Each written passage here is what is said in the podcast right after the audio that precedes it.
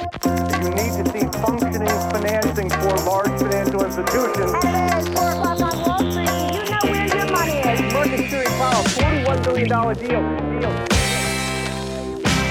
Då är det dags för investerarens podcast nummer 66 i ordningen. Bli rik på börspanik. Vad tycker ni om den rubriken? Jag gillar ju inte den här eh, rubriksättningen som liksom rider på den dramaturgiska sötman som media ibland brukar använda sig av. Men eh, jag satt och funderade på vad som rimmade på eh, börspanik och då tänkte jag, haha, jag sätter det blir rik då. Får vi väl se, det kanske är av den anledningen som du lockades till att lyssna på just den här episoden om du inte har lyssnat på den här podden tidigare.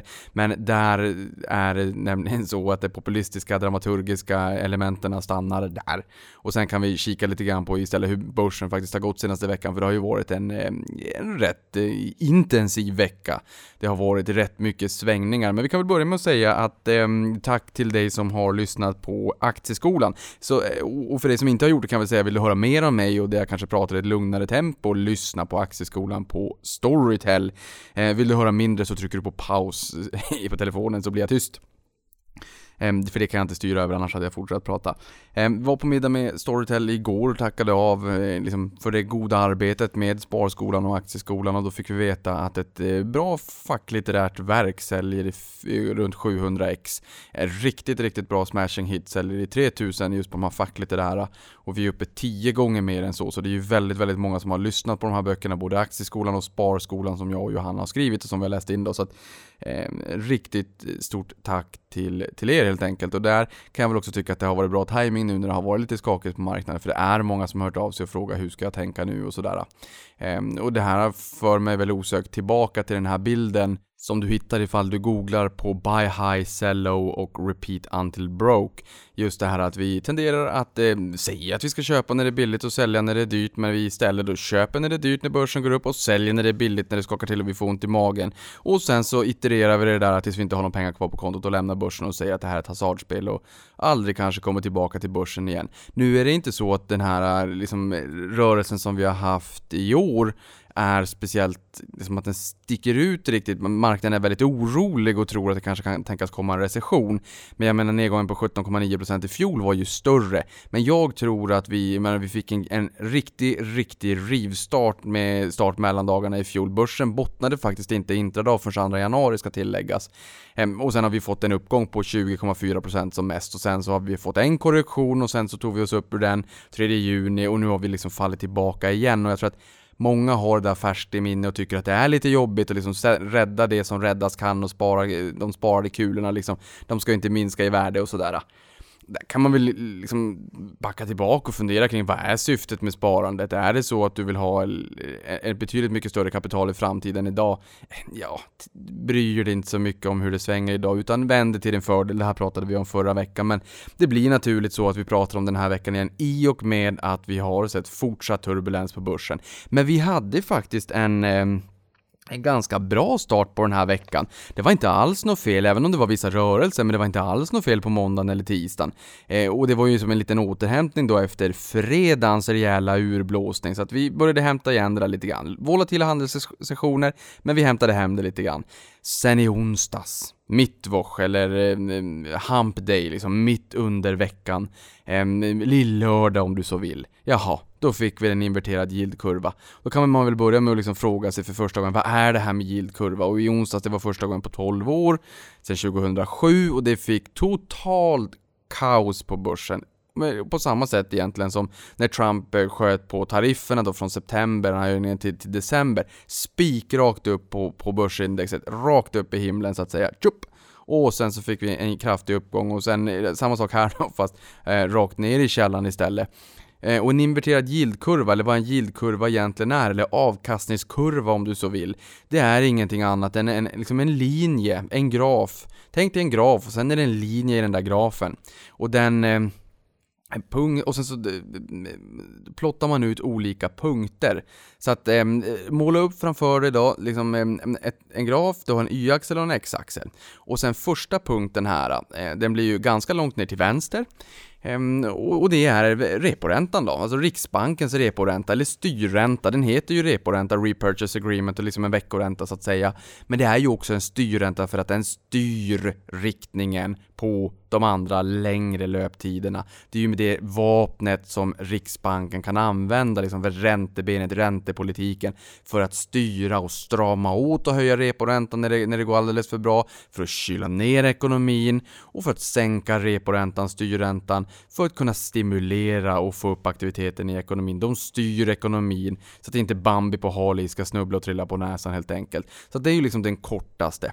Sen kan man väl säga att om du hade gått in till banken och sökt ett bolån. Det kanske är enklare liksom att ta till dig det om du inte har sett en yieldkurva eller avkastningskurva. Ja men plotta ut Riksbankens reporänta, det är bra. De höjde den 20 december i fjol och det fick en påverkan på, på eh, bolåneräntan, de tickade ju uppåt. Eh, efter en, ett kvartal för, för många i och med att eh, eh, tre månaders räntan är ju en, en, en bunden ränta inom citationstecken därför att de flesta bankerna då har räntesättning eh, en gång i kvartalet så att säga. Du kan byta lånet när du vill men man, man sätter om räntan en gång i, i kvartalet helt enkelt. Så då tittar vi på, ja nästa punkt då. Nu har vi veckoräntan, nästa punkt vi plottar ut med en liten blyertspenna. Det är ettåringen, vad ligger den på? Är den högre eller lägre än reporäntan? Ja, den var lite Lite högre. Ja, okej. Okay. Så tar vi nästa tvåårsränta. Jaha, den var lite högre. Och sen så tar vi treårsräntan. Nu är det så här, jaha men det brukar inte finnas treårsräntor för bolån. Nej, men det är faktiskt så att bankerna har flera eh, löptider på lånen än vad man skyltar med när man visar eh, skyltfönsterräntorna eller listräntorna så att säga. Oftast så är det ettåring, treåring, femåring, kanske lite tioåring också. Och sen tar vi fyraåringen, femåringen, eh, sjuåringen brukar man ibland ha, eh, och så tioåringen. Och sen eh, de här punkterna, då drar du ett streck mellan de här punkterna. Det du då gör, det är att du föder en avkastningskurva eller en yieldkurva. Hur pekar den? Normalt sett så pekar ju det från det lägsta, eh, reporäntan, till den högsta. Det är från A till B så brukar det gå upp uppåt. Ju längre tid du vill låna pengar, desto mer måste du betala. Du köper ju en försäkring så att säga. Och ju längre tid du som kreditgivare lånar ut pengarna, desto mer ersättning för det här vill du ha. Men i dagsläget så har ju 10-åringen i USA gått ner så att den har varit lägre än tvåårsräntan. Så du kan ju tänka dig hur den kurvan ser ut, den ser inte alls rolig ut. Eh, och i Sverige idag så eh, skickade Finwire ut en eh, flash att nu är också 30 30-åringen i negativt territorium. 18 februari 2015 gick ju reporäntan i Sverige ner i negativt territorium, eller då kom beskedet så att säga. Nu har hela yieldkurvan, hela yieldkurvan är under vattenytan, är där och simmar liksom i, på, på det blåa, det djupa liksom i, i badhuset. Och, och, den har ju alltid varit en badkruka ovan liksom vattennivån, men nu är hela yieldkurvan, hela räntekurvan, hela avkastningskurvan liksom under vatten. Så det är ju den där, och marknaden tittar ju väldigt mycket på det här för att man kan ju läsa in väldigt mycket i det hela. Vad är anledningen till att de långa räntorna ligger lägre än de korta räntorna? Ja, räntemarknaden brukar ju anses vara pessimisten och aktiemarknaden brukar anses vara optimisten aktiemarknaden ser möjligheter och, och, och fördelarna och man, liksom, man är optimistisk och, och, och eller räntemarknaden då ser ju snarare hoten. Så att aktiemarknaden är full fart framåt och räntemarknaden är hålltätt bakåt. Och det kanske inte är så konstigt för att uppsidan på en aktieinvestering är obegränsad om du hittar rätt bolag som har liksom en perfekt affärsmodell som skalar upp det där och liksom kan stiga flera hundratusen procent över eh, x antal årtionden så att säga, om de är värdeskapande. Tänk dig från den här liksom garageidén i, i sin linda när Google startades till dagens moderbolag Alphabet då. Medan eh, räntebenet, ja men det, det, är syftet, alltså när man lånar ut pengar till bolag. Det har ju ingenting att göra med hur bra det kommer gå för dem. Eh, om man ska hårdra det, lite grann självfallet. Men det är så här, det är jättekul att det gick bra för er och jag önskar att jag hade köpt eget kapitalaktier istället. Men här lånade vi ut pengar till er och våran, hu, vårat huvudbry, våran absolut största, mm, eh, som största fokus, det är ju att säkerställa att ni kan göra rätt för er, betala era räntekostnader och betala tillbaka principalen betala tillbaka det nominella beloppet efter fem år när det här räntepappret förfaller. Så att de håller tätt bakåt, ser på risker, aktiemarknaden full fart framåt, ser på möjligheter så att säga. Men just nu är yieldkurvan, ja men i princip helt flät under vattenytan i Sverige. Den föll ner under, tioåringen föll ner under tvååringen i USA för första gången sedan 2007. Man säger att det har varit en vattentät indikator för kommande recession de senaste 50 åren. Men då är det också så här, då kan man ju fundera kring, kring ja okej, okay, men de senaste 50 åren, ja ja, hm, hm, vänta nu, när, 50 år, när var det? Jo, det borde ni veta för det, det är, ehm, jag skrev ju här tidigare då att Dividend Kings, alltså de bolagen som har höjt utdelningen 50 år i rad, det har de gjort sedan 1969 när Neil Armstrong satte första foten på månen då, så att 1969 Okej, okay, vad, fanns det, vad var det för marknad 1969 och vad är det för marknad idag liksom? Ser världen annorlunda ut idag än 1969? Ser sammansättningen av ekonomin ut lite annorlunda idag än 1969? Är vi lite mer globala? Har vi lite mera tjänsteekonomi som tarvar kanske på, på den tillverkande industrin? Ehm, Oh, intressant, jag lyssnade på Macro Voices också där det var en far och en dotter som tillsammans med ytterligare en tredje gäst som modererade den här podden så att säga. Där fadern hade varit tidigare eh, rådgivare till en tidigare president och dottern var en rådgivare till nuvarande president och de gick igenom olika områden med landet och utvecklingen och byggande och utmaningar kring eh, mat, livsmedelsförsörjning och försvarsindustri och export och import och då kan man ju tycka, åh oh, vilket sömnpiller, men de gjorde det på ett väldigt intressant sätt, ett väldigt så här om jag får ta liksom de orden i munnen, liksom så här, men lite Hans Rosling-stuket, att man blir liksom, man blir exalterad, man blir inspirerad, man, man liksom känner att man myser, känner, wow, det här var en rätt intressant approach till det hela. Och där menade de att det är rätt många länder som har levt på, eh, liksom frodats när det tidigare har funnits en, en, en, stor efterfrågan internationellt på deras produkter, eh, där det inte har funnits en, en eh, tillräcklig domestik efterfrågan, så har man kunnat åtnjuta och leva på att det har funnits en global efterfrågan, man har kunnat exportera, och man har kunnat bygga landets rikedomar på grund av att man har haft någonting att exportera. Och här pratar man bland annat om eh, 3D-printing exempelvis, som de faktiskt också eh, själva använde sig av i bolag de drev. Eh, och det här, men varför ska vi beställa någonting som ska tillverkas och ta flera veckor att leverera när vi kan 3D-printa det? Och hur, vad händer då liksom? Vart går värdena över för bolagen? Går de över till den digitala miljön? När man tar digitala, eh, tre, eh, inte vet jag, 3D-CAD-ritningar vad det heter. Det är ju Autodesk som äger CAD, börsnoterat i USA. Men de här ritningarna, de digitala ritningarna etc. Där kanske det kan vara ett bolag som kommer in och kan leverera de tjänsterna och liksom kapitalisera på det och det finns det ju redan i dagsläget. Eh, och då kan man tänka sig, nej men hallå Niklas, 3D-printing, kom igen va. Det, det, var ju Elliot Capital tog en corner där och tog lite kapitalgisslan när man köpte ut Arkan från börsen. Det är ju way back, 3D-printing är ju liksom liksom inte ens i ropet längre. Men jag internt har liksom sagt att ja, men jag, vill ha, jag vill ha någon form av produktifiering kring trenden 3D-printing, men 3D-printing existerar ju inte. Så här, det gör det visst det. Eh, och då är det mitt ansvar i sådana fall att pedagogiskt förklara för er eh, där ute hur marknaden för 3D-printing ser ut för att man blir lite hemmablind, man, man får lite home bias. Nej, men det där försvann ju från börsen, kanske inte liksom, ah, det var ju ett tag sedan, nej det blev nog ingenting av det där. Det är jättestort, det är enormt stort globalt. Men också det här med, han tog, eh, fadern här då tog Tyskland som exempel, att Tyskland har ju haft eh, hela sin fantastiska exportmotor, inte minst i termer av bilindustrin. Medan han menar att ja, men nu eh, flyttar man ju över det här och förlägger det i Mexiko eller i USA. Och vad händer då med, ehm, med, med Tyskland och, och skatteintäkterna? Och, och, att mm, det, förmodligen kan det bli en rätt stor omställning när det kommer till producerande länder, exportberoende producerande länder eh, och kanske en, en jättepotential för länder som kan ehm, exportera digital kompetens och digitala produkter. Och jag menar, världen är ju sammanflätad. Vad är det som säger att inte Indien kan ha en enorm potential going forward när de eh, Eh, exportera sina fantastiskt duktiga, kompetenta eh, förmågor eh, när det kommer till IT. Det, det är liksom inte, det är inte, mm, vad ska man säga, det, det kanske inte är en slump att många bolag förlägger sin IT-kompetens i Indien, även om det är så att eh, lönerna förmodligen kanske är lite lägre, men det är liksom inte enda skälet. Då kan man också ha den kompetensen i Baltikum, vilket svenska banker har. Där har väl lönen varit runt en tredjedel av den svenska.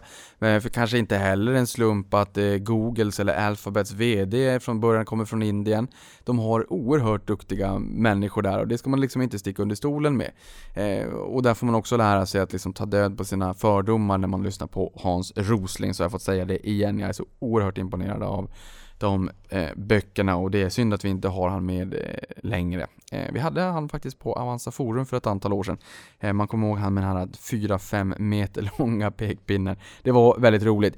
Eh, så att där får man väl liksom säga att det här med, med en recession, okej okay, men vi, vi pratar om den inverterade yieldkurvan och vi pratar om att det har varit en vattentät eh, recessionsindikator och vi pratar också om att det har gällt sedan 1969. Eh, men då måste vi också ta med i beräkningarna, hur ser världen ut idag i förhållande till 1969? Och hur påverkar det att centralbankerna har kvantitativa lättnader, har negativa räntor, vi har 16 000 miljarder dollar som handlas till negativ yield just nu. Vi har centralbankerna som är en rätt stor ägare av exempelvis statspapper. Jag vet inte vad det är i Sverige, alltså jag, jag kan gissa på att det ligger på man dominerar nästan marknaden. Jag skulle nästan kunna säga att man inom citationstecken är majoritetsägare. Eh, man, man, brukar väl säga att om staten äger mer än 30% av den utestående volymen så, så, sätter man marknaden ur spel. Jag skulle väl vilja hävda att man har satt marknaden ur spel på rätt många ställen globalt. Så det där måste man också ha med i beräkningarna och det, det var liksom som en hönsgård på börsen i onsdags. Det man vill liksom komma in som i politikens värld, politi, politikens värld. Jag är inte skolad inom politiken.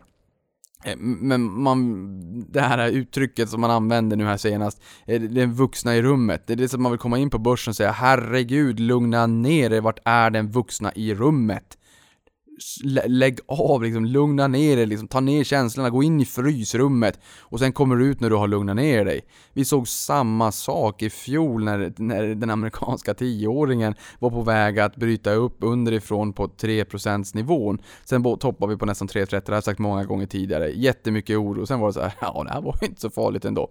Vad händer liksom när vi handlar ner marknaden 2-3% och man inser att sen, ja men okej, den här gången gällde det faktiskt inte. Ja men det är klart att då får du ju då får du ju en vändning, då, ska du, då vill du ju risk-on igen. Vilket det är idag när jag sitter och spelar in det här. USA är upp en 2, en 3, en 4. Eh, jag tror att man, liksom, det bästa man kan göra i en sån här situation, det är liksom bara lugna ner dig, ha inte nerverna utanpå och fundera på hur du vänder det till din fördel helt enkelt. Jag tycker det är väldigt roligt att handla aktier i det här klimatet. Jag handlar väldigt mycket aktier. Jag har lastat in, jag, jag har sagt, jag har lastat in eh, fyra lastbilar pengar på, på börsen eh, under den senaste tiden. Och du säger, kan det fortsätta falla? Ja, självklart. Eh, jag hade inte heller investerat alla mina pengar som, eh, från utdelningarna som hade kommit under året. Och sen nysparar jag ju också ganska mycket. Och det är klart, jag menar de affärerna jag har gjort de här senaste dagarna, senaste veckan, har, de flesta av dem har gett mellan 2 och 5 procent. Ehm, eh, betyder det att det inte kan fortsätta falla? Men det är klart det kan fortsätta falla. Men det spelar ju mig faktiskt ingen roll, för fortsätter det falla, ja men jag nysparar ändå ganska hyggligt mycket, så det kommer in ganska många friska kulor redan nästa vecka när vi kör uppesittarkväll. sitta kväll. Då kan vi också säga att det kommer in en hemlig gäst plus att vi också har med Henrik von Sydow från Carnegie som jag tycker är väldigt trevlig, frispråkig. Ni har hört honom i den här podden tidigare också när, man, när han menar att det var väldigt mycket mörka moln på makrohimlen. Och det har ju varit väldigt mycket makrodrivet på börsen den senaste tiden så in och kika på det på torsdagen då 20 till 22 kör vi det där precis i vanlig ordning. Jag twittrar om det, twitter.com investera. Jag nålar det liksom högst upp på min profil. Ni har det på efm.se eller på deras YouTube liksom. Så kör vi och sen så är ni med i flödet under hashtag uppe sitta kväll och så skriver ni era frågor där. Så, så kör vi den kvällen tillsammans och sen så funderar vi lite grann kring hur man beter sig när det svänger på börsen lite grann.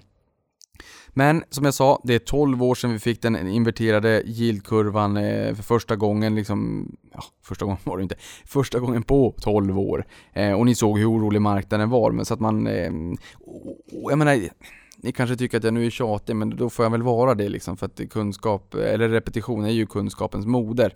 Och jag har ju sagt det här då, om man sitter i en föreläsningssal och det går ett larm och alla springer vänster, så ska det mycket till för att du ska springa höger. I det här fallet, både i fjol om du sprang höger under nedgången från 29 augusti till mellandagarna, eh, intradag då botten 2 januari, ja men då har du blivit väldigt rikligt belönad.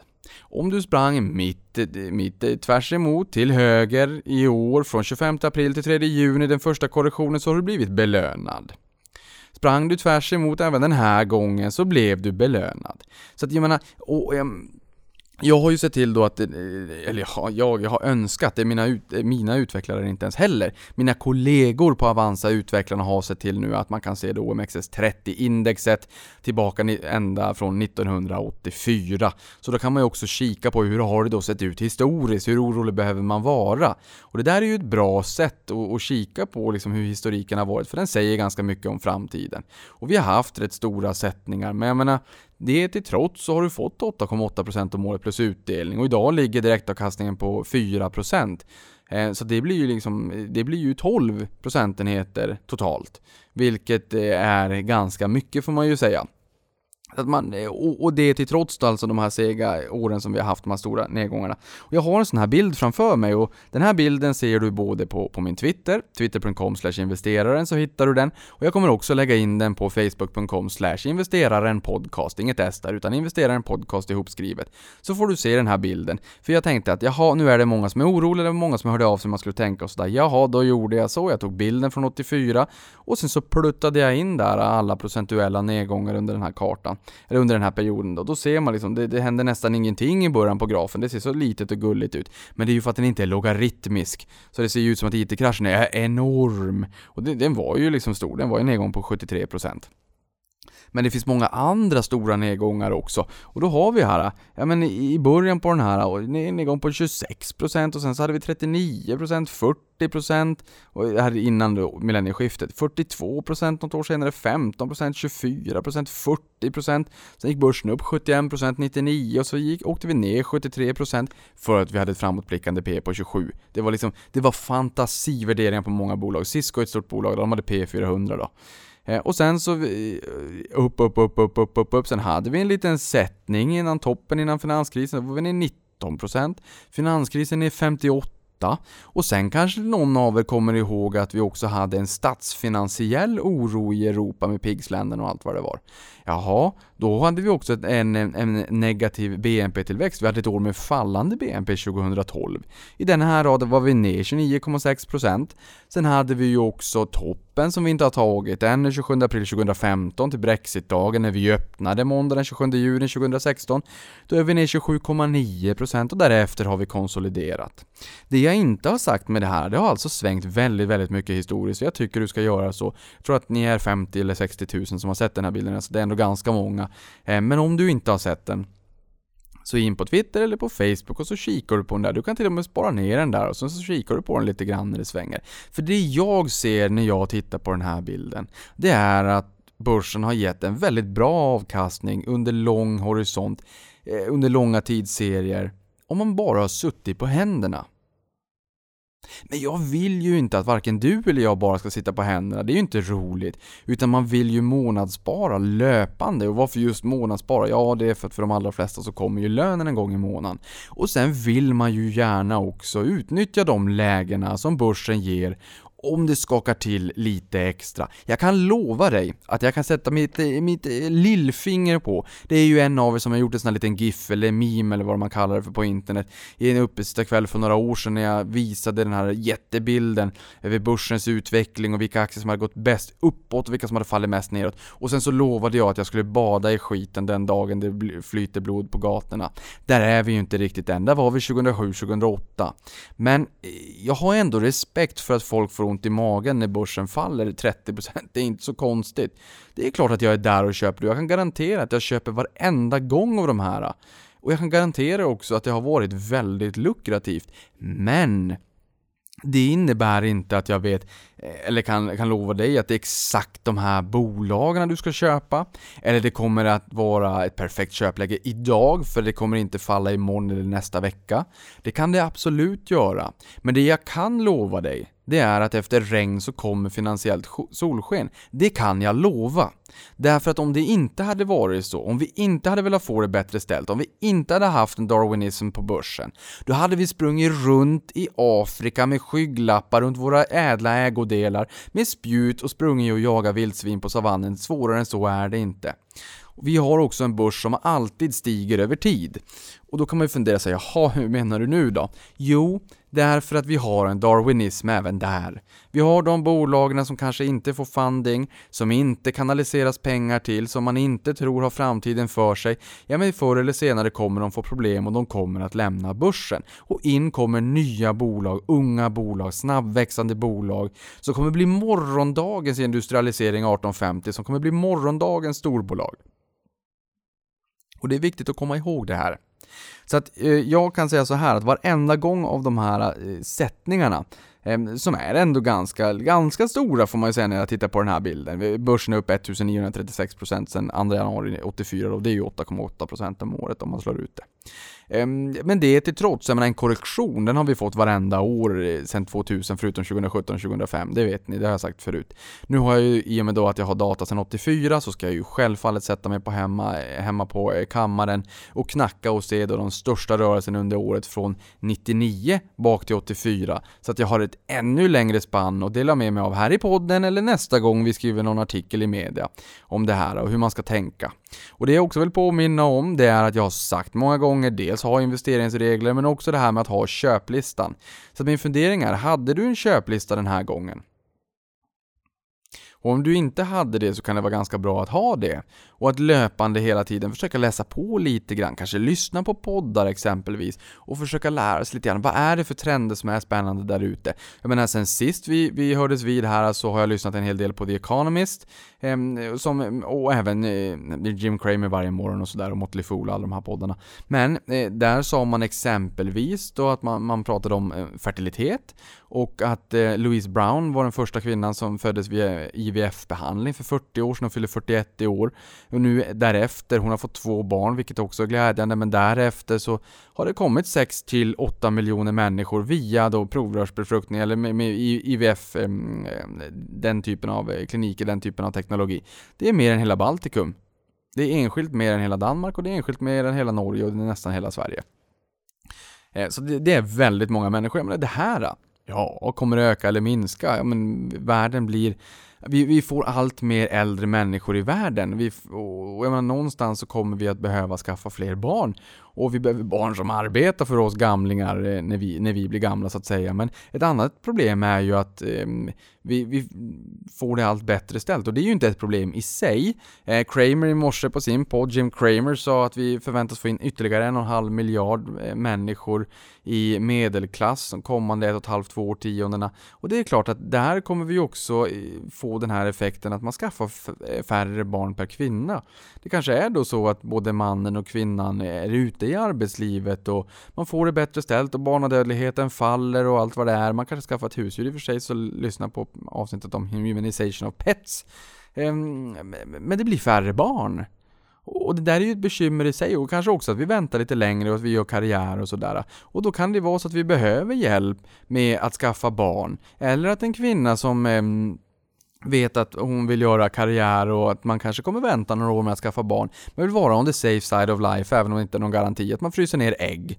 Eller att en man kanske känner att ja men jag gör ju också karriär och eh, har inte träffat någon ännu men skulle nog vilja och skulle gärna vilja ha barn och sådär och den biologiska klockan tickar, det, det, det kan jag lova dig.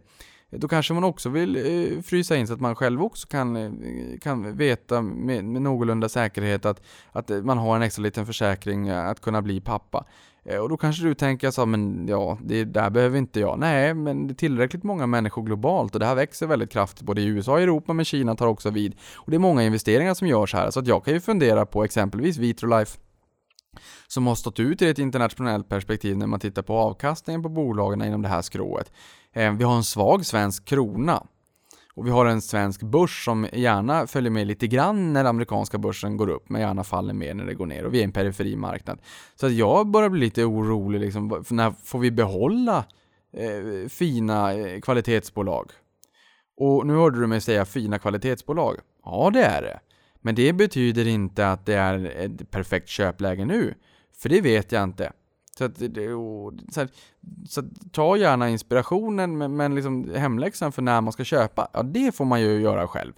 Eh, men, men det är en trend. En annan trend som jag hörde med, eller ja, en kuriosa i och för sig med The Economist, det är att pirater har man ju hört en del om. Det var mer snack förut, men ändå också där så att säga. Och då var det en snittsiffra, undrar om det inte var 2011 eller om det var lite senare, alldeles oavsett, jag kommer inte ihåg exakt vilket årtal det var. Men då berättade de att eh, snittintjäningen för ett, eh, för ett hijackat fartyg, alltså när piraterna tar över ett fartyg och begär en eh, lösensumma, var 4 miljoner dollar i snitt per skepp. Där kan man ju tänka sig att man behöver lite, eh, lite säkerhet eh, faktiskt. Så någonting annat jag hörde, det som de också berättade om, det var ju kineser då, kineser 50 plus, där man är, tänker så här, är det en, en bortglömd eh, kundkategori? Eh, nej. Utan snarare så här att det är en väldigt, väldigt intressant kundkategori. Varför jag pratar om det här nu, det är för de här lite längre trenderna. Och då var det så här att eh, techbolagen menar på att det här är nästa stora kundgrupp. Och WeChat i, i Kina, liksom, det är ju Tencent som äger det då. Vi är ju van med sms och det är Messenger, och WhatsApp och allting. De har Tencent. Det är ett helt ekosystem. Man kan göra det mesta där. Man kan betala, man kan beställa eh, taxi och man kan eh, betala, spela mobilspel och man kan göra rätt mycket. Ni kommer ihåg när jag var med, med Johanna på investerarresan i ehm, eh, Sydkorea i fjol och vi var, lyssnade till Kakao där 83% av, av hela befolkningen i Sydkorea använder den där appen och man la i snitt eh, 3 timmar och 20 minuter per dag på plattformen. Det är liksom, ja, man, är det ens sant? Många bolag hade drömt, det dreglar sig, vattnas i munnen när man hör en snitttid på 3 timmar och 20 minuter på, på en, en eh, plattform helt enkelt. Eh, och här då de här kinesiska bolagen, jaha, då eh, är det åldringarna och i och för sig 50, det är faktiskt inte så gammalt så det är fel av mig att använda ordet åldring. Jag ber om ursäkt till det, väl för det. Eh, jag är väl snart där själv också i och för sig. Jaha, då eh, är det de som växer allra snabbast på WeChat och som ägs av Tencent.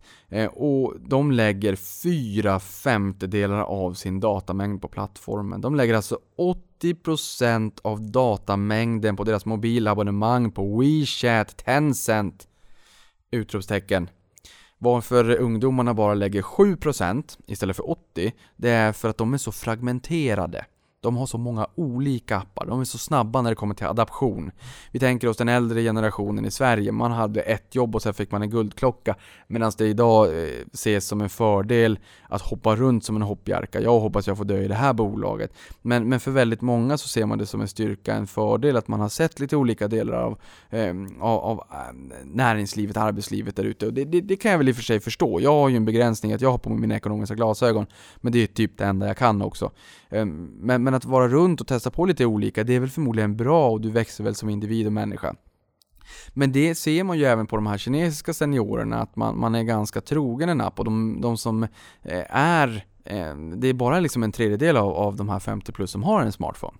Men de som har en smartphone är enormt engagerade och lägger 80% av datamängden. Sen var det en annan app som försökte liksom konkurrera lite grann och Eh, kapitalisera på de här och det fanns en app eh, där man kunde filma square dance det jag, jag tolkar det som att jag kan vara helt ute och cykla men att det är någon form av torg där man står och liksom dansar lite grann, lite, lite gympa, lite dans tillsammans utomhus. Då kunde man filma det där och sen fanns det filter som tog bort rynkorna.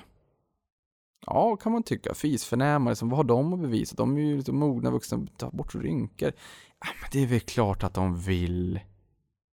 Och den här appen har tankats ner 200 miljoner gånger sedan 2015.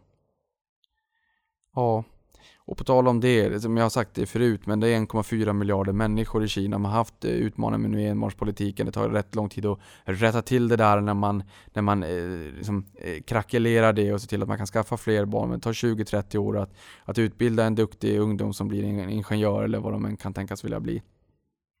Eh, och arbets, eh, arbetsför ålder, liksom antalet individer i arbetsför ålder i yrkeskåren, en miljard människor förväntas falla ner till 800 miljoner människor på 30 år. Det är en jätteutmaning. De kommer också behöva exempelvis hjälp med eh, eh fertilitetskliniker etc.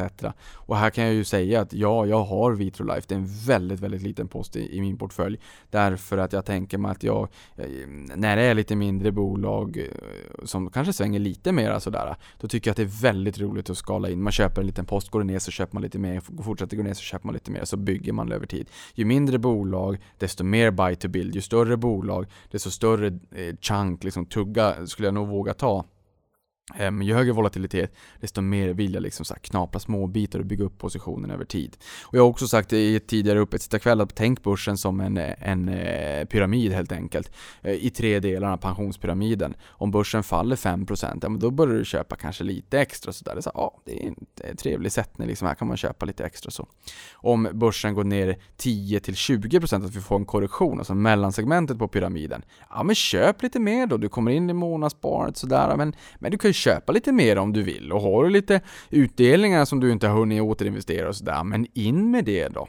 Och, och liksom riktiga bottenplattan här då, liksom får vi en nedgång på minst 20% ja men då kan du nog eh, köpa ganska friskt och vara ganska övertygad om att alldeles oavsett om det fortsätter ner så kommer det här nog vara ett ganska bra köp. Och, och skulle vi få en nedgång på över 30% eller till och med över 40% då skulle jag säga att det är ett oerhört bra köpläge. Ett oerhört bra köpläge. Och nu pratar jag inte om en enskild aktie, för vissa aktier kan falla på egna meriter och då ska de falla, då ska det gå ner. Men när hela börsen faller så mycket, då är det ett oerhört bra köpläge. Visa mig något år. Ehm, ja, 2007-2008 det spann ju över två år då. Eh, IT-kraschen eh, ehm, det spann ju över tre år då från ehm, 2000 till 2002. Men visa mig någon period efter en så stor nedgång som har varit halvtråkig. Eh, det kommer du inte hitta. Men som sagt, ah, börsen handlas upp runt 1,4% i rad, både Sverige och USA handlas upp och det blir liksom en liten, en liten tillbakagång att säger ja men det här kanske inte behöver bli en recession ändå. Och det är tunga profiler som har varit ute i USA, inte, det, inte minst ehm, eh, Janet Yellen, alltså centralbankens tidigare ordförande. Ehm, så att jag menar, man ska det är lite för mycket följa John-beteende, det är lite för mycket hönsgård eh, på börsen. Eh, och det blir liksom känslorna utanpå. Sen ska man ju också veta att ja, alla är inte långsiktiga och även om man är långsiktig så kanske man vill ta hem lite risk och sådär, det blir lite risk-off. Eh, och, och det är det som styr börsen, helt enkelt. Men det är också de som eh, tyvärr då med, med svansen mellan benen får springa tillbaka och jaga index som man fick i början på året. Men sen kan man ju säga det där med att man får en korrektion i alla fall en gång om året, att det, liksom, det är det som är gängse. Ja men har, har du mm, tyvärr då kanske inte hunnit med upp och att det bara driver upp, upp, upp, upp, upp, upp men då kanske man kan tänka sig att ja, men det kommer nog en liten pullback och gör det det, men då kan jag ju komma in lite grann.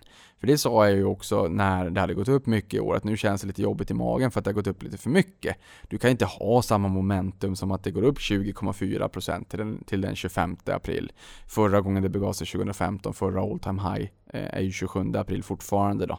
Eh, så att vi toppade 27 april 2015 och i år toppar vi 25 april då. Så att det, det, det, var ju upplagt för att det skulle bli antingen en lugnare konsolidering eller en liten nedgång. Och handelskonflikten har vi levt med under en längre tid och nu har den ju eldat upp igen. Men det har jag ju också sagt här tidigare i poddavsnitt att Trump är ju en vinnarskalle som mäter sin framgång i termer av hur börsen går, helst Dow Jones. Så att han har ju också varit ute och stöttat börsen. Det, det får man ju ge honom. Han är ju en twittrare av eh, rang helt enkelt. Sen kan man ju fråga sig det här, jag sa tidigare att jag har gjort en del rätt hyggliga köp här eh, och att det kan fortsätta ner och att jag kommer göra, fortsätta göra hyggliga köp då när det kommer in nya kulor. Är jag då en Ubermensch? Absolut inte, men jag har nog lärt mig att hålla mina känslor i schack och jag har lärt mig att det viktigaste i min värld är att hitta och identifiera de bolagen du vill äga långsiktigt eh, och, köpa in dem i portföljen och våga ha lite is i magen. Ser du att det går ner, grotta ner dig i rapporterna och läs och fundera och klura och köp lite mer och det är klart att Eh, om konjunkturen försämras att, och vi får fallande vinster och vi får fallande värdering på vinsterna, då blir det en dubbeleffekt, det man kallar multipelkontraktion. Så att vinsten faller och värderingen av vinsten faller. Eh, men det, det brukar inte hålla i sig så himla länge. Det, det, det, I absolut värsta fall så kan det vara något år. Men då kan jag också över, nästan garantera det att de köpen du gör under de där åren i ett längre perspektiv kommer att vara eh, väldigt bra faktiskt. Kan ju säga så här också att jag är ju ingen fondkille, men jag har ju haft ett löpande sparande i Avanza Zero sedan eh, 2007 eller 2008. Eh, och, och, då kan du titta på köp och sälj också. Eh, så går du in, har du en fond, in på, på sajten och, och sen så trycker du på transaktionen där i grafen. Då ser du ju också eh, att det har köpts både när det har varit upp och har varit ner. Och jag menar mitt bästa köp är eh, plus 200% under den här perioden. Eh, och det är för att det köptes ner i botten. Och då kan man ju fråga sig, skulle människor som ett aggregat ha köpt där? Nej, absolut inte. Men, jag, men de allra flesta eh, gör nog det ändå om man har ett löpande sparande för att det eh, köpbeslutet föregås inte av ett aktivt beslut. Börsen är ner 58% finanskrisen. Vill du köpa? Tryck ja.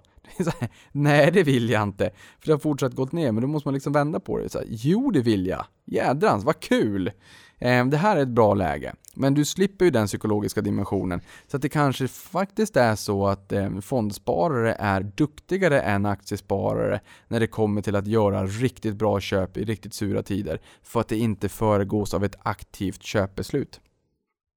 Men eh, eh, det man har varit orolig för och varför det gick ner så mycket i onsdags, det är ju då för att man är orolig för den här recessionen. Och då kan man ju fundera på, aha, okej, okay, recession då alltså. Att eh, vi får fallande BNP, vi får två på varandra påföljande kvartal med, med fallande BNP.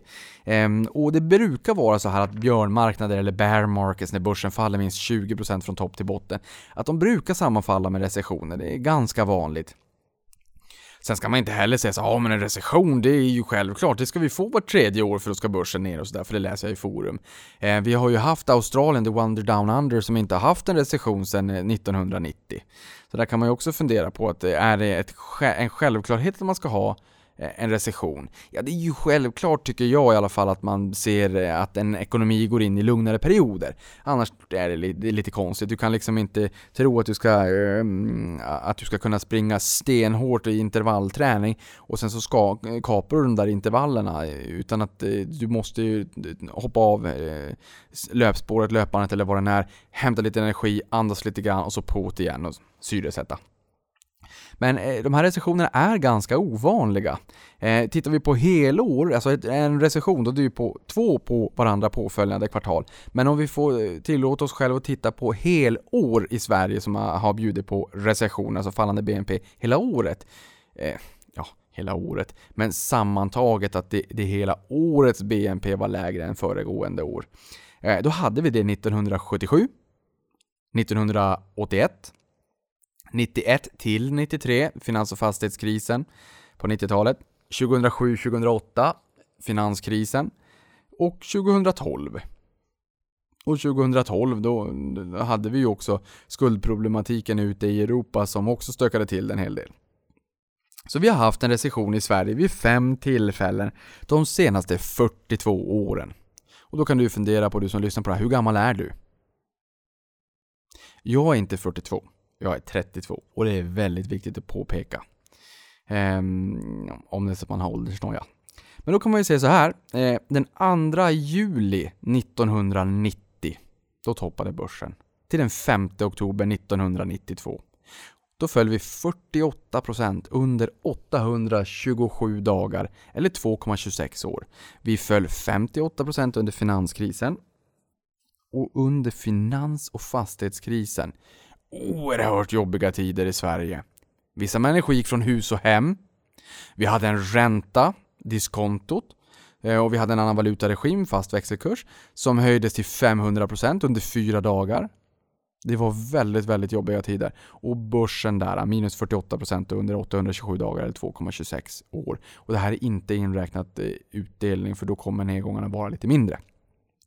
Sen hade vi 13 juli 2007 till 27 oktober 2008, alltså 58% ner under finanskrisen under 473 dagar eller 1,29 år. Eller 43 dagar som det tog från att Lehman Brothers kollapsade och sände ut chockvågor över världens finansmarknader när blodet flöt på de finansiella gatorna. Så tog det 43 år eller ett månadssparande innan det vände.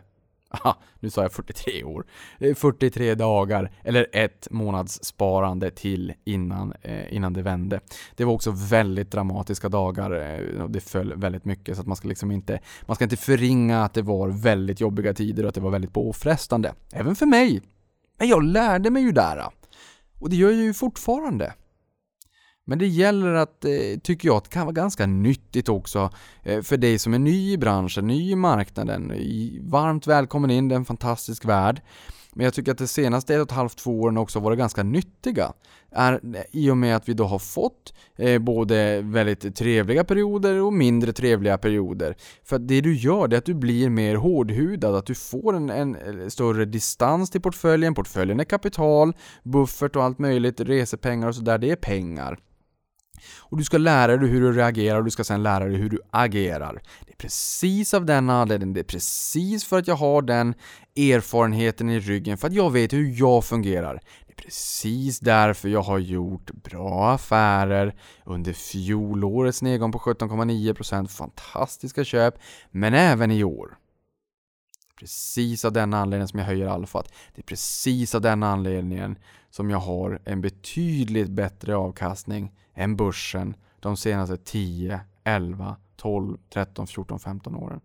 Sen kan man också tycka att börsen, det är klart att jag menar, där är det ju, det är ju ett korplag, det är inte ett toppat lag. Vi hade aldrig någonsin skickat OMXS30 till OS. Aldrig! Man hade aldrig skickat mig till OS heller. Så, så att jag menar, det finns både närande och tärande bolag. Det finns både movers och laggers. Och det finns laggers som är, man är liksom inte starkare än den svagaste länken och det är börsen. Och då kan många säga, ja men vi kan inte mäta OMXS30, det blir fel, vi borde mäta i likaviktat hela börsen. Ja, det kan man göra fast det blir också lite utopiskt. Därför att likaviktning kostar mer och de flesta har inte den exponeringen. OMXS30 är de 30 mest omsatta aktierna, 29 bolag, Atlas Copco AB finns där. Det är de media skriver om, det är de många jobbar på, det är de aktierna som Eh, som, många också äger. Jag kan säga så här att Euroclears rapport från 2018 100% av folkaktierna, 100% av de aktierna som svensken äger i störst utsträckning, som är mest ägd av hela svenska befolkningen. De topp 10 aktierna, 100% av dem ingår i OMXS30. Det är det vi kallar för Stockholmsbörsen. OMXS30 är ungefär 60% av viktningen på hela börsen. Så de 30 aktierna av 381 aktier tror jag att det är nu står för majoriteten av börsvärdet och börsen är värdeviktad, det ska vi också komma ihåg. De största bolagen får störst vikt i indexet och störst påverkan. Så att eh, det går med ganska enkla medel att plocka ut 5, 10, 15, 20 bolag som man känner att det här är riktigt bra bolag i sina respektive nischer. Best of breed kanske till och med om man tycker.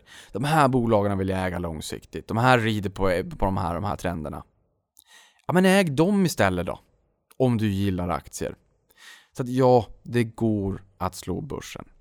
Det är, liksom, det är självklart i min värld. Men sen behöver inte det betyda att, att alla ska göra det. Indexfonder är en fantastisk produkt. Som instegsprodukt, inte minst för att få människor att ta en börsexponering. Men även för människor som tycker att det är kul att följa börsen men som inte vill lägga ner jättemycket tid på det. Eller de som vill ha en försäkring mot sin egen stockpick. Man känner att jag lägger en indexfond som en bottenplatta. Och sen så kan jag liksom lägga på lite strössel med de bolagen som jag tycker är spännande. Men här 1990 92 då, 2,26 år, finanskrisen 1,29 år eller eh, det fallande BNP där då under 2012 med, med skuldkrisen, skulddebaclet men även USAs kreditbetyg som, som sänktes i augusti 2011 och börsen föll 14-15% på ganska kort eh, tid. Eh, det höll i sig i 248 dagar, eh, nedgång på 29,6% under 248 dagar eller 0,68 år. Det är inte så lång tid. Det är väldigt lång tid om du tänker att du sätter dig på en stol och har ont i magen för att börsen svänger väldigt mycket och så ska du sitta på den här stolen i 2,26, 1,29 eller 0,68 år. Det är ju en evighet. Det är lång tid. Men det är inte speciellt lång tid och under den här tiden så kommer det göras bra köp. Det är som ett bootcamp, det är fantastiskt tråkigt att vara där, där och då, men det är otroligt tillfredsställande när du är klar, när du har din tvättbräda. Det är som Storytel frågade mig om det var roligt att skriva en bok. Nej, sa jag. Det var bedrövligt. Men det var väldigt, väldigt roligt när det var klart. Det gäller samma sak på, på eh, börsen helt enkelt. Sen har vi antal kvartal med negativ BNP har varit 30 stycken sedan 1981, vilket innebär att det är 7,5 år med fallande BNP om man slår ihop det här, eller 19,6% av tiden eh, mätt i kvartal eh, sedan 1981 har varit eh, tider av eh, recession. Eh, så det är inte jättevanligt men ändå kanske vanligare än vad man skulle kunna tänka sig i och för sig att en femtedel av tiden har varit recessionstid. Du, nu sa jag fel. Jag sa att 19,6% av tiden har varit recessionstid. Det är fel. Det är för att recessionen, då är det två på varandra påföljande kvartal med fallande BNP. Det har varit 19,6% av tiden där det har varit ett kvartal där BNP har minskat. Men vi har väldigt, väldigt få tillfällen där vi har fått en, eh, en, eh, en recession, alltså där vi har haft de här två på varandra påföljande kvartalen med negativ eh, BNP. Väldigt, väldigt ovanligt. Och vill du så här, då kan du ta och skriv Sveriges BNP-utveckling. Kommer upp i ekonomifakta, kan du ta det i antingen tabellform eller i stapelform. Då ser du ju där också. Hur många, hur många månader har vi haft? Eh, eller hur, hur, många kvartal, hur många tillfällen senaste året har vi haft eh, eh, recession? Eh, och i det här fallet sa jag ju liksom i modern tid att det var 77, 81, 91, 93 finansfastighetskrisen, eh, finanskrisen och 2012. Så att det är inte jättevanligt helt enkelt. Men sen har vi handelskonflikten och den ligger liksom som en liten X-faktor över börsen också. Det, liksom, det, det lägger sordin på börsstämningen. Handelskonflikten är eh, oerhört eh, viktig att den löses för, handels, ehm, för världshandeln. Inte minst för att det självklart är så att många människor på bolagen där ute eh, VD på alla bolag, börsnoterade bolag, det är bara människor. Inköpscheferna, det är bara människor. De som svarar på enkäterna för hur de känner kring sentimentet, Bank of America, Merrill Lynch investerarenkäter, det är människor. Investerarcheferna som säger ska jag köpa mindre eller mer, eller hur är stämningen i näringslivet, det är människor. Eh, koppla hand till, till Hans Rosling när man i Davos frågade hur eh, många eh, ungdomar, eller barn, eh, som, som fick vaccin globalt och 18% hade rätt. 18% hade rätt. Eh, nu kan jag i och för sig blanda ihop med siffror, det kanske var världs... Ah, någon av våra recensioner, jag tror till och med Davos var ännu sämre än det. Så man inser att de människorna som är satta att leda, makthavarna, eliten där ute, som man tänker, de förstår världen. Eh, ja, en, en apa hade förstått världen bättre. Slumpen hade förstått världen bättre. Och då inser man också hur alla våra förutfattade meningar faktiskt skrämmer oss. Eller hur vi blir påverkade av finan eh, finanskrisen. Och vi, hur vi kommer ihåg de nedgångarna, eller hur vi har blivit berättade om de nedgångarna och direkt, där! Det börjar gå ner. Då är man orolig att där kommer finanskrisen igen. Och det är samma sak i år. Det är för jag tror att det är alldeles för nära den nedgång vi hade 29 augusti till mellandagarna.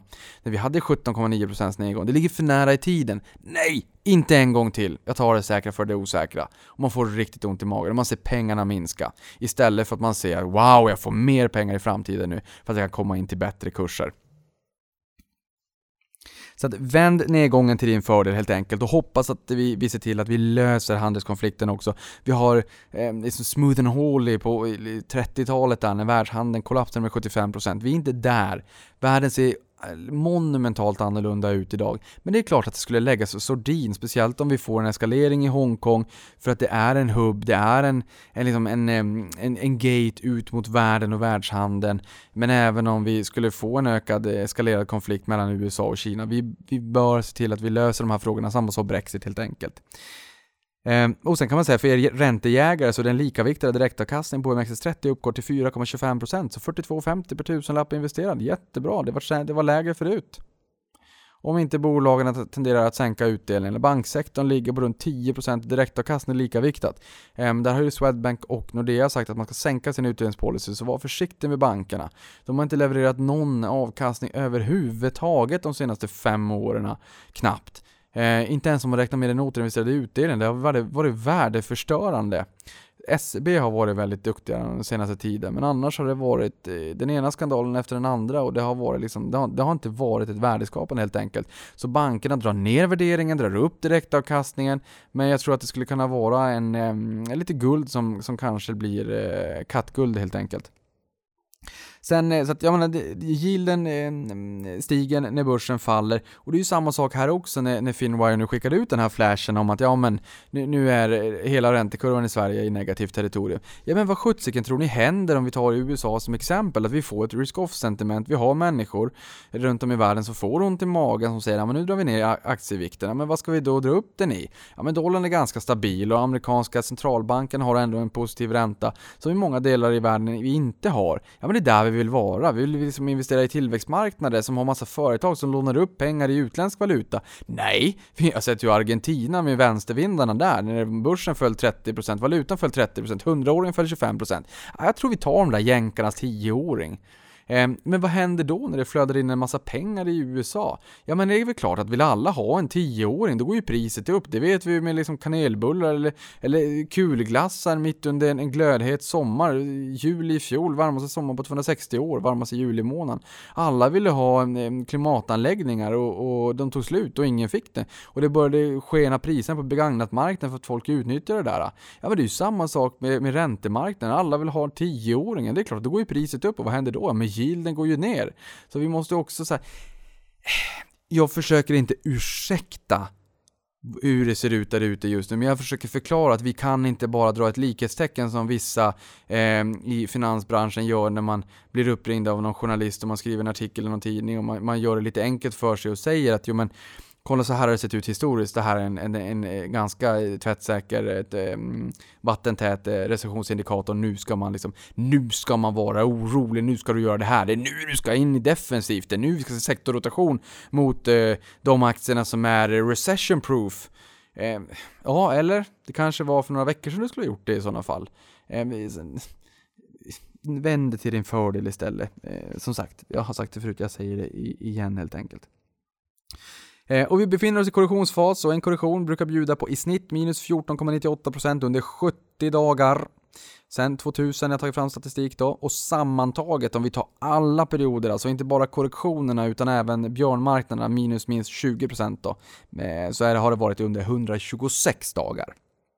Så 14,98% ner om det bara är en korrektion vi håller oss under Ehm, eller max minus 20%, inte eh, sjunka mer än minus 20, då brukar det vara 15% i snitt under 70 dagar. Faller det kraftigare än så, ja men tar vi alla löptider liksom så. Vi bryr oss inte om den korrektion eller björnmarknad. 21,5% ner under 126 dagar. Och som sagt, jag har data från 1984 nu, jag ska se till att jag har den hemläxan så att jag kan bjuda er på det. Um, och, och, jag menar, tittar vi på, på de perioderna, om, för att när jag säger att det har varit en korrektion minst en gång om året, då tittar jag ju på enskilda kalenderår. Um, och, och, är det så att man tittar på, men så här, kalenderåren kanske är inte så intressant, jag vill snarare veta hur de här stora nedgångarna har, hur, hur kraftiga de har varit från toppen till botten, oavsett om det är en, två eller flera kalenderår. Ja, då har du ju IT-kraschen minus 73% då. Men där steg det 71% 99, så att du får sätta det i relation. Det var 947 dagar.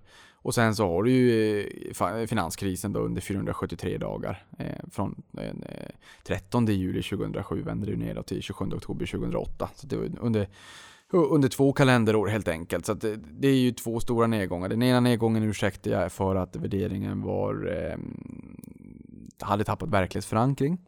Eh, och eh, finanskrisen var ett eh, Black Swan-event. du kommer nog kanske få med om ett eller två sådana event under din livstid. Jag skulle bli väldigt förvånad om det är fler än så. Något som skulle kunna tala för det, det är att världen är väldigt global, väldigt sammanflätad och att saker och ting går väldigt, väldigt mycket fortare nu för tiden. Men jag tycker att det är lite knepigt att man tror att, det kom, att en ny nedgång ska vara en finanskris. Eh, för som sagt, de är vanligare i fikarummet än på, eh, på börsen. Men, men en, en vanlig nedgång på börsen, det är inga konstigheter. Eh, och vi har ju haft nedgångar på nästan 30% två gånger efter finanskrisen, men det tenderar man ju att glömma bort lite grann. Eh, och sen kan vi säga så här att eh, oktober till december eh, brukar vara ganska hyggliga marknader. Augusti och september är lite halvtråkiga. Eh, augusti minus 1,95% i snitt de senaste 30 åren. September minus 1,96 i snitt de senaste 30 åren. Eh, och så har vi då oktober till december istället och kanske får ett litet tomterally, det brukar man ju önska sig åtminstone. Då brukar vi gå upp 1,63% i snitt under den eh, tre månaders perioden då helt enkelt. Och sen ska man också veta var vi kommer ifrån. I år, trots att det har varit lite stökigt och vi har haft kraftiga uppgångar, tacka tusan för det efter den stora nedgången i fjol. Um, men Nasdaq 100 upp nästan 20%, Nasdaq upp 18,5%, 6PRX 15%, SPX, alltså S&P 500, 500 största börsbolagen i USA 14,5%, OMXSPI, Stockholmsbörsens breda index 11,4%, 630RX, det vill säga OMXS30 plus utdelning 11,22, Dow Jones 10,5, de är väldigt exponerade mot handelskonflikten. Eh, och sen såg vi också Trump, han skjuter ju på tarifferna och, och undantar ju så att säga telefoner, datorer och, och kläder. Eh, då kan man ju tänka sig, jaha, vilka är i Dow Jones nu här? Ja, men vad skulle du säga om exempelvis Apple och Nike? Eller kanske Starbucks eller något annat av de bolagen. Eh, som kan bli, eh, nu är det Apple och Nike som är mer liksom export-import. Eh, Starbucks där är det mer att eh, det kan bli lite jobbigt om de blir föremål i det politiska spelet för deras business eh, på, på, i eh, mainland China. Sen har vi OMXS30 7,6%. Men eh, tar vi topp 50 bolag i S&P 500 eh, då är de upp 50,87% year to date. Tar vi 5 år då är de upp 299,43%. Topp 50 alltså. Det är 31,9% om året. Sverige, samma siffra, topp 10 på MXS30. Då är de upp 34,5% och 118% på 5 år, det vill säga 16,9% om året. Men börsen som helhet, den har stigit 11,3% istället för 34 i år.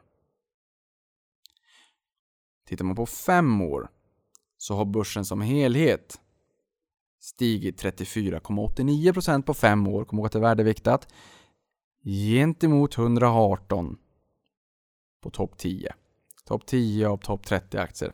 Och mitt det absolut sista jag vill säga det är att det jag brukar tänka på när börsen skakar det är att kapsla in känslan för hur det känns när börsen går upp väldigt mycket, väldigt kraftigt vilket gör att jag brukar få lite ont i magen när det går upp lite för mycket.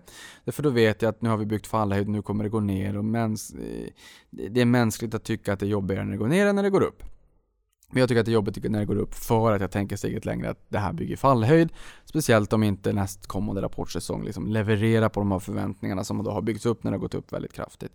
Vi hade en väldigt kraftig uppgång 2015 till den 27 april när det toppade och vi hade en väldigt kraftig uppgång i år fram till den eh, eh, 25 april när det toppade då helt enkelt. Kapsla in den där känslan när du känner att börsen rusar ursinnigt. Ehm, men I år, på inklusive mitt nysparande, så har jag varit uppe och touchat nästan, nästan en och en halv miljon. Ehm, vilket är för mig en oerhört stor eh, summa. Eh, för vissa av er kanske en försvinnande liten summa och för vissa av er kanske det är en ehm, eh, en jättestor summa. Jag har ingen aning och det spelar egentligen ingen roll det för att det är ingen tävling utan du jämför det bara eh, mot dig själv helt enkelt. Men jag menar, det blir ju så att ju längre du är på börsen, ju mer du sparar, desto mer eh, kommer du att behöva, alltså desto mer hårdhudad kommer du bli. Men det, det är ju bra alltså att man börjar med ett lite mindre kapital för att du lär dig hur, du ska, hur börsen fungerar och hur, vilka, du gör nybörjarmisstag och, och, du får med i nedgångar och du lär dig hur du reagerar och agerar och alla känslor som poppar upp i magen och liksom de här panikåtgärderna när du sitter och tittar på börsen och inte kan gå. Och du känner dig halvt apatisk och känner att det bara går ner, det bara går ner, jag trycker på FM och portföljen bara minskar. Och du känner att det bara, den där oros, liksom, obehagliga känslan i magen bara blir större och större och större och, och sen så vänder det och sen så har du glömt det. Så försök komma ihåg det så att säga när, när börsen går ner. Kom ihåg att gör, fortsätt, eh, fortsätt göra affärer. Jag brukar tänka just det här som jag säger, att köp när det gör som ondast. Och ibland kan jag tycka liksom att ja, men, eh, senaste, eh, senaste veckan så har det varit ner en halv miljon som mest. Jag tycker det är oerhört mycket pengar. Jag var 25 år när jag fick upp min första miljon. Eh, att då tappa en halv miljon på, på bara blott några dagar när jag vet hur enormt lång tid det tar att bygga upp de pengarna genom nysparande när inte portföljen tar vid och när inte de befintliga innehaven hjälper dig på traven och ger dig jättemycket vind i seglen. När du inte liksom kan se portföljen stiga kraftigt av det uppbyggda ackumulerade kapitalet utan när du måste pytsa in pengar själv och när du vet hur lång tid det tar.